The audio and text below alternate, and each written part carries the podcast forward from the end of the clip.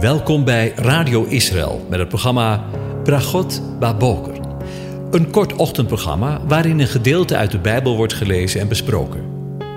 Met Bragot Baboker wensen onze luisteraars zegeningen in de ochtend. Presentator is Kees van de Vlist.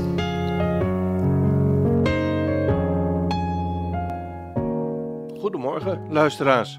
Vanmorgen denken we weer verder na over Psalm 92. Ik lees het aan je voor. Een psalm, een lied op de Sabbatdag. Het is goed om de Heere te loven en voor uw naam psalmen te zingen, Allerhoogste. In de morgen uw goede tierenheid te verkondigen en uw trouw in de nachten. Op het tiensnarig instrument en op de luid, bij snarenspel, op de harp. Want u hebt mij verblijd, Heere, met uw daden. Ik zal vrolijk zingen over de werken van uw handen. Heere, hoe groot zijn uw werken, zeer diep zijn uw gedachten. Een onverstandig mens weet er niets van, en een dwaas begrijpt dit niet.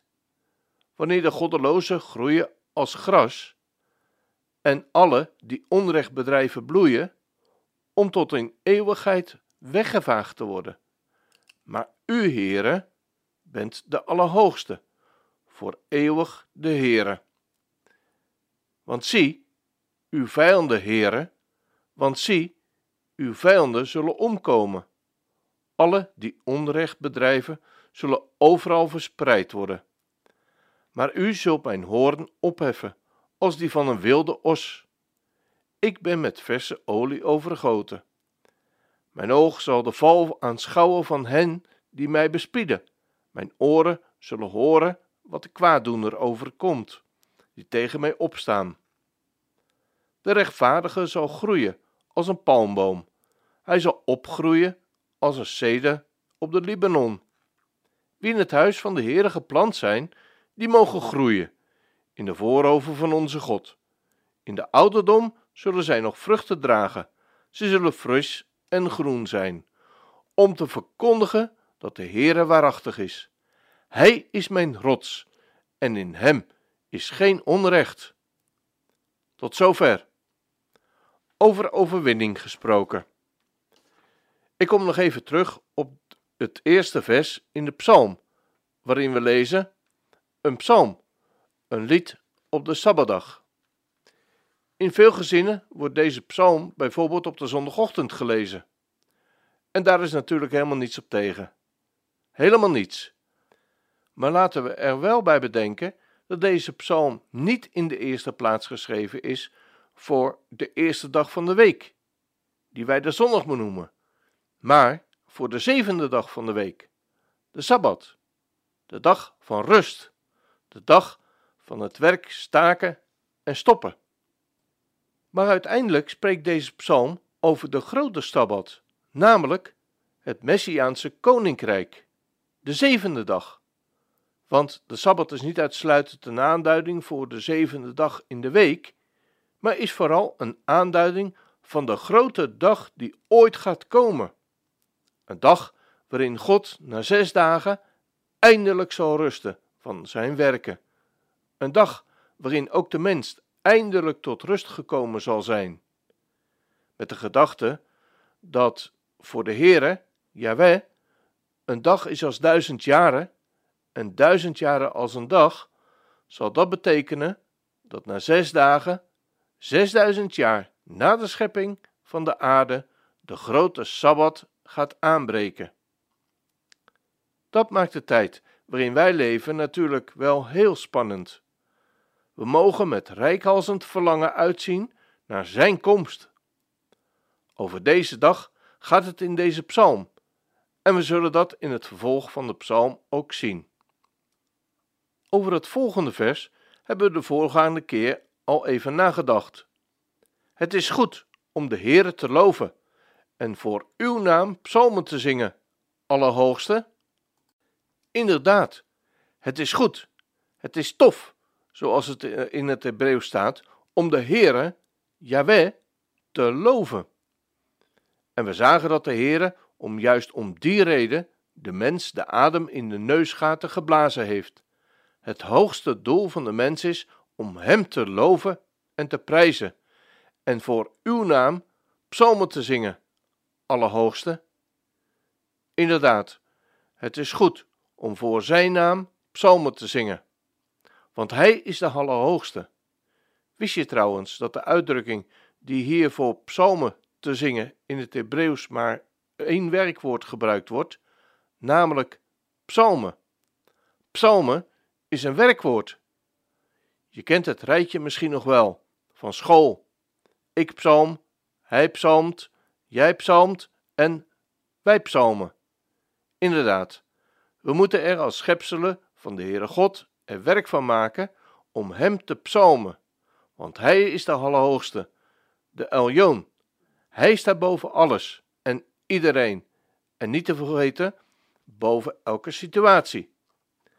Vanmorgen lazen we na het eten in de wijze woorden van Salomo in Spreuken 21, vers 31, waar het staat over Gods leiding in je leven. Een paard wordt gereed gemaakt voor de dag van de strijd, maar de overwinning is van de Heere. Corrie ten Boom schreef daarbij: Misschien vraag je jezelf af in de situatie waarin jij zit: kan Jezus dat wel doen? Ik kan antwoorden: ja. En u hebt de overwinning door Hem. Geloof niet wat je gevoelens je vertellen. Geloof wat Gods woord, jouw gevoelens, moeten door Jezus worden vrijgemaakt. Ik heb de vaste grond gevonden, waarin mijn anker eeuwig hecht. De grond in Jezus bloed en wonden, voor werelds aanvang reeds gelegd. Die grond blijft onverwrikt bestaan, schoon aard en hemel overgaan. Misschien allemaal oude woorden, en misschien vind je het een stoffig lied. Maar lees het nog eens door en probeer te doorgronden wat de woorden proberen uit te drukken. Wat een rijkdom! We hebben geen vaste grond gevonden omdat wij die zochten, maar omdat die vaste grond er voor de wereld al was gelegd. Paulus zegt in Efeze 1, vers 10 het zo, omdat hij ons voor de grondlegging der wereld in hem uitverkoren heeft. Snappen doe ik er helemaal niets van. Maar dat hoeft ook niet. Maar laat ik samen maar met Paulus, hoewel in verband met een andere situatie, instemmen in Romeinen 11, vers 33. O diepte van rijkdom, beide der kennis en der kennis Gods. Hoe ondoorgrondelijk, hoe ondoorzoekelijk zijn zijn oordelen en onnaspeurlijk zijn wegen. Inderdaad, je hebt vandaag, morgen en alle dagen van je leven alle reden om Hem te danken, te loven en te prijzen, om Hem te psalmen. En ik ken de situatie waarin je misschien op dit moment zit niet. En ik ken je leven niet. Misschien zit het wel vreselijk tegen in je leven. Nu of al heel, heel lang.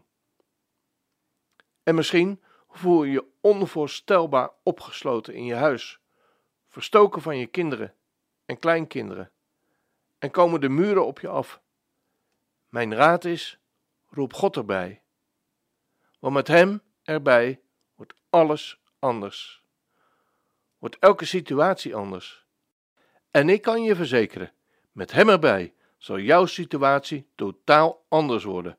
Want een paard wordt gereed gemaakt voor de dag van de strijd, maar de overwinning is van de Heere. We zullen bidden. Heere, soms is het moeilijk en soms bijna onmogelijk voor ons om de overwinning te zien. Maar we weten dat zij er zijn wanneer u erbij wordt geroepen. Dank u wel dat uw woord het zo duidelijk en zonder aarzeling zegt. Maar de overwinning is van de Heere. Dat is een zekerheid waar wij onze hand op mogen leggen. Amen. Ik wens je een van God gezegende dag toe.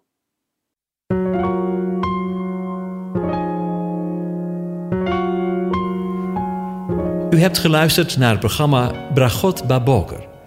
Een kort ochtendprogramma waarin een gedeelte uit de Bijbel wordt gelezen en besproken. Wilt u het programma nog eens naluisteren, dan kan dat. Ga naar radioisrael.nl en klik onder het kopje radio op Uitzending gemist.